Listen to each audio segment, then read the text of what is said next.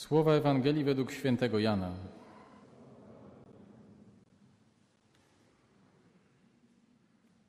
Pojawił się człowiek posłany przez Boga. Jan było mu na imię. Przyszedł on na świadectwo, aby zaświadczyć o światłości, by wszyscy uwierzyli przez niego. Nie był on światłością, lecz został posłany, aby zaświadczyć o światłości. Takie jest świadectwo Jana. Gdy Żydzi wysłali do niego z Jerozolimy kapłanów i lewitów z zapytaniem: Kto ty jesteś? On wyznał, a nie zaprzeczył, oświadczając: Ja nie jestem Mesjaszem. Zapytali go: Cóż zatem? Czy jesteś Eliaszem? Odrzekł: Nie jestem. Czy jesteś prorokiem?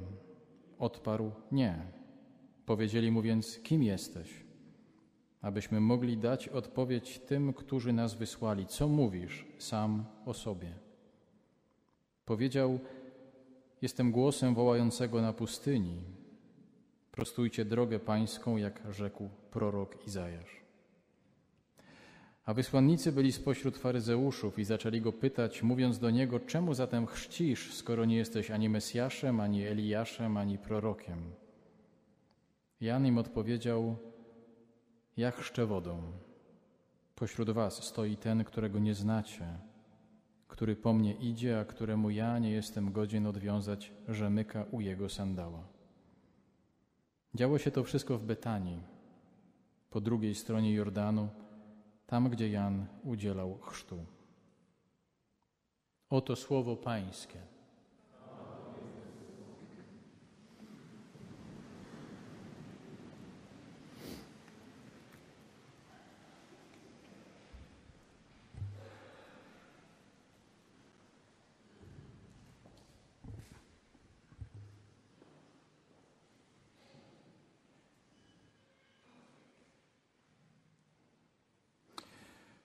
Prowadziłem jakiś czas temu rekolekcję dla księży i zaraz na początku y, zadałem im takie pytanie otwarte i powiedziałem, żeby nawet napisali to na takich małych kartkach. Odpowiedzieli na takie pytanie: kim jestem? Kim jesteś? Żeby odpowiedzieli w tym miejscu, na parafii, jestem i tu trzy kropki. Każdy miał napisać, napisać swoje.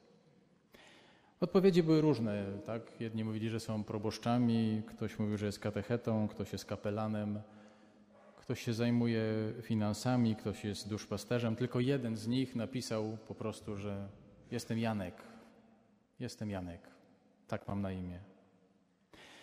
Nikt z nich nie napisał takiej rzeczy, że jestem człowiekiem albo jestem mężczyzną. Wszyscy określili siebie poprzez funkcję, poprzez to, co robią, to, czym pracują, czym się zajmują. Nikt z nich nie pomyślał, że jest coś jeszcze bardziej podstawowego, coś, co nas, nas definiuje. Święty Tomasz Zakwinu, mój wielki współbrat sprzed 800 lat, mówił: Łaska Pana Boga buduje się na naszej naturze, a my często odwracamy kolejność i bardzo byśmy chcieli, żeby najpierw łaska Pana Boga budowała się na naszych talentach, na naszych zdolnościach, a dopiero potem, gdzieś na końcu, na naszym człowieczeństwie. I mówimy Panu Bogu: daj mi więcej sił, żeby mógł pracować na trzech etatach. Daj mi jeszcze więcej sił, żebym mógł to spinać wszystko i mógł pracować 28 godzin dziennie, zapominając, że na początku jest człowieczeństwo, że najpierw jesteśmy ludźmi, Najpierw jest nasz charakter, nasze emocje, nasze ciało, a dopiero potem na tym jest wszystko inne. I chociaż mówię Wam o księżach, takie jest moje doświadczenie, to przecież y, dość łatwo to pytanie, kim jestem, przerzucić też na nasze normalne życie, na Wasze normalne życie. Bardzo często słyszę to w konfesjonale z takim pewną refleksją, czy takim smutnym, smutną refleksją, kiedy ktoś mówi, że za dużo pracuje, że jest go za mało w domu, że to wszystko oczywiście dla dzieci, to wszystko dla domu, ale że go jest tam za mało. I wtedy zadaję takie pytanie trochę prowokacyjne, mówię, proszę wrócić do domu. i zapytać się swoich najbliższych, za co Panią, za co Pana cenią, za co Cię kochają. I być może jestem tego pewien, okaże się, że nie chodzi o kompetencje, nie chodzi o ilość publikacji, nie chodzi o funkcje, nie chodzi o stanowiska, nie chodzi o to, gdzie byliśmy i co widzieliśmy i co możemy sobie napisać przed nazwiskiem i po nazwisku. Na końcu będzie bardzo prosta odpowiedź. Jesteś moim tatą, jesteś moją matką, moim ojcem, jesteś dla mnie synem, dzieckiem. To jest coś najbardziej podstawowego, co najbardziej definiuje nasze życie. I ci z nas, którym, nie daj Boże, którzy stracili dzieci albo stracili swoich rodziców, oni już nie mają takiej możliwości. Im ta bardzo podstawowa część życia została odebrana. Oni już nie mogą powiedzieć komuś: Jesteś moim ojcem, jesteś moją mamą, jestem dla Was dzieckiem.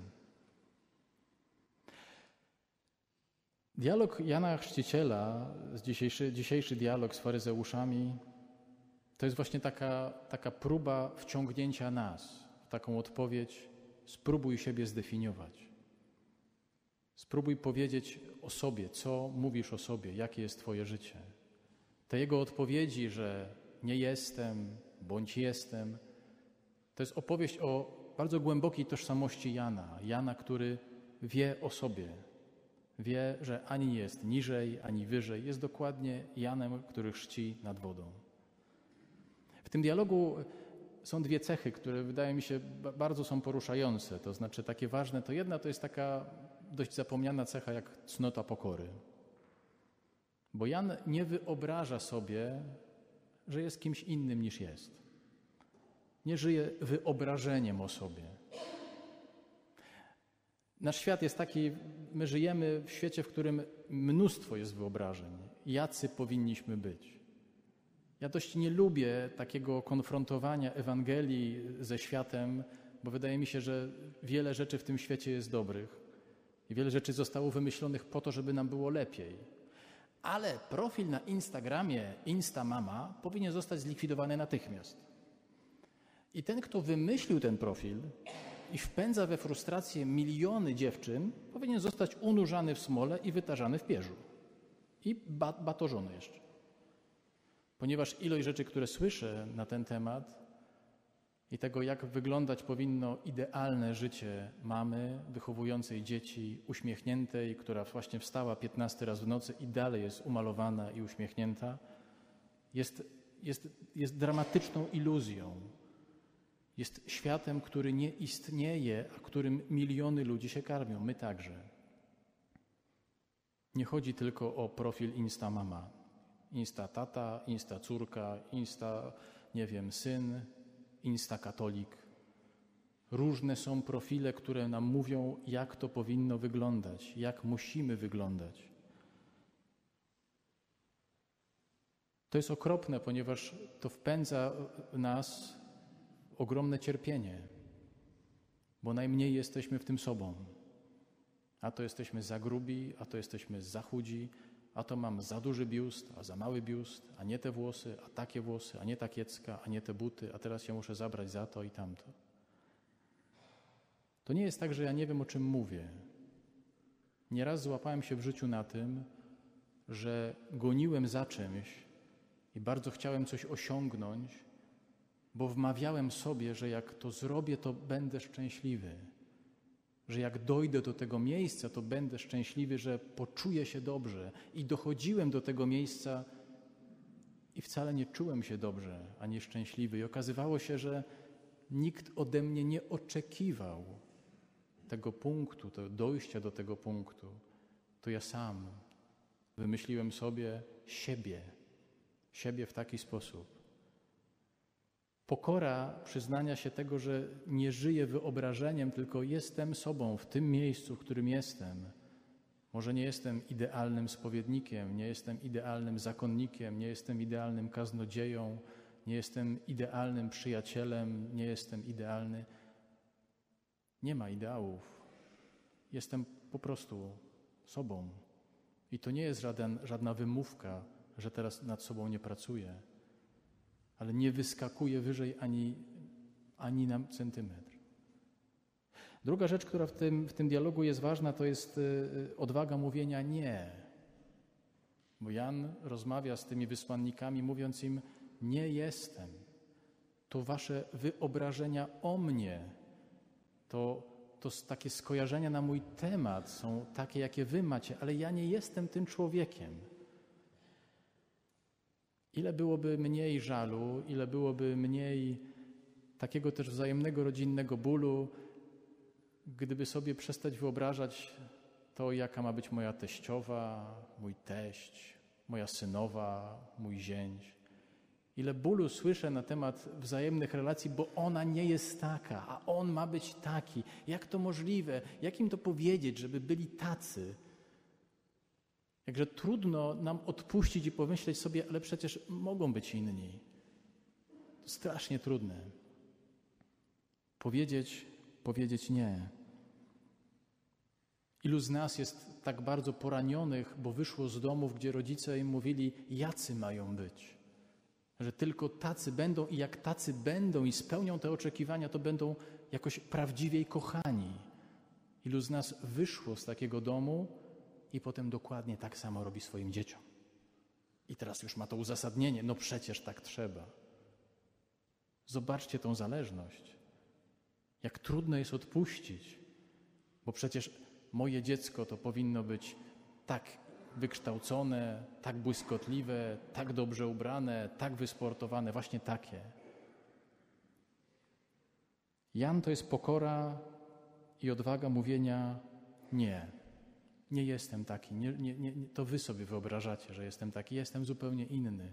Jestem Janem, który chrzci nad wodą. To jest moje miejsce życia.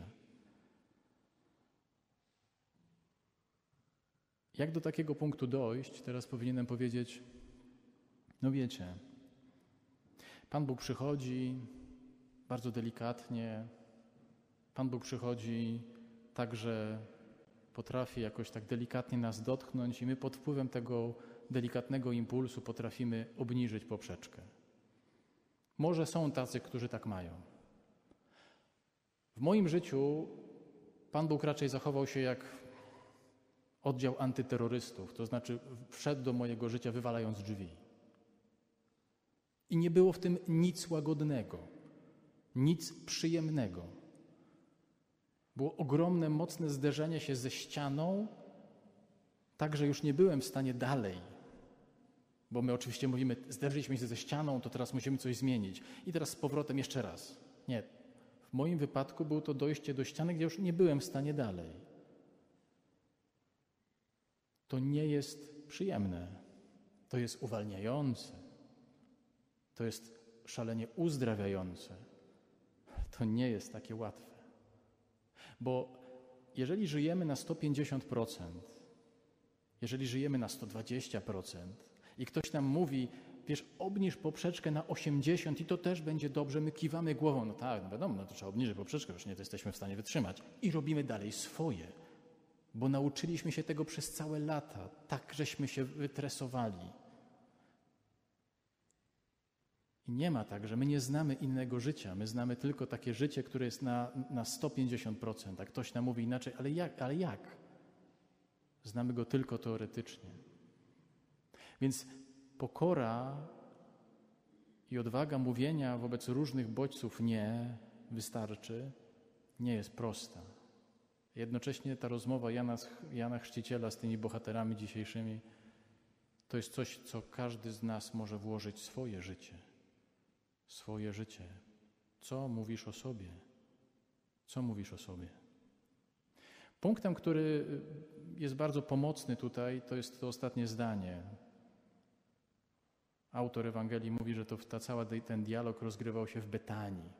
Betanii, tam gdzie Jan udzielał chrztu. Betania to jest bardzo ważne miejsce dla Pana Jezusa. W Betanii właśnie został ochrzczony i odkrył swoją tożsamość Syna Bożego.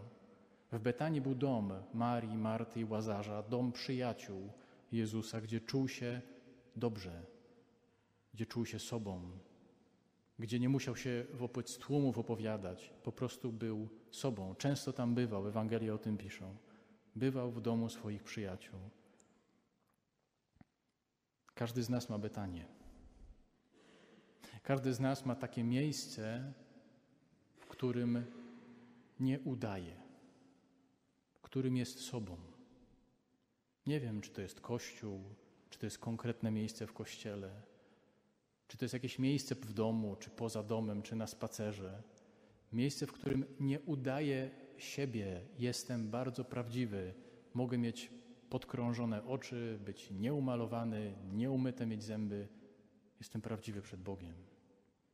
Jestem bardzo sobą. To jest moment, od którego można zaczynać zmianę obniżania poprzeczki.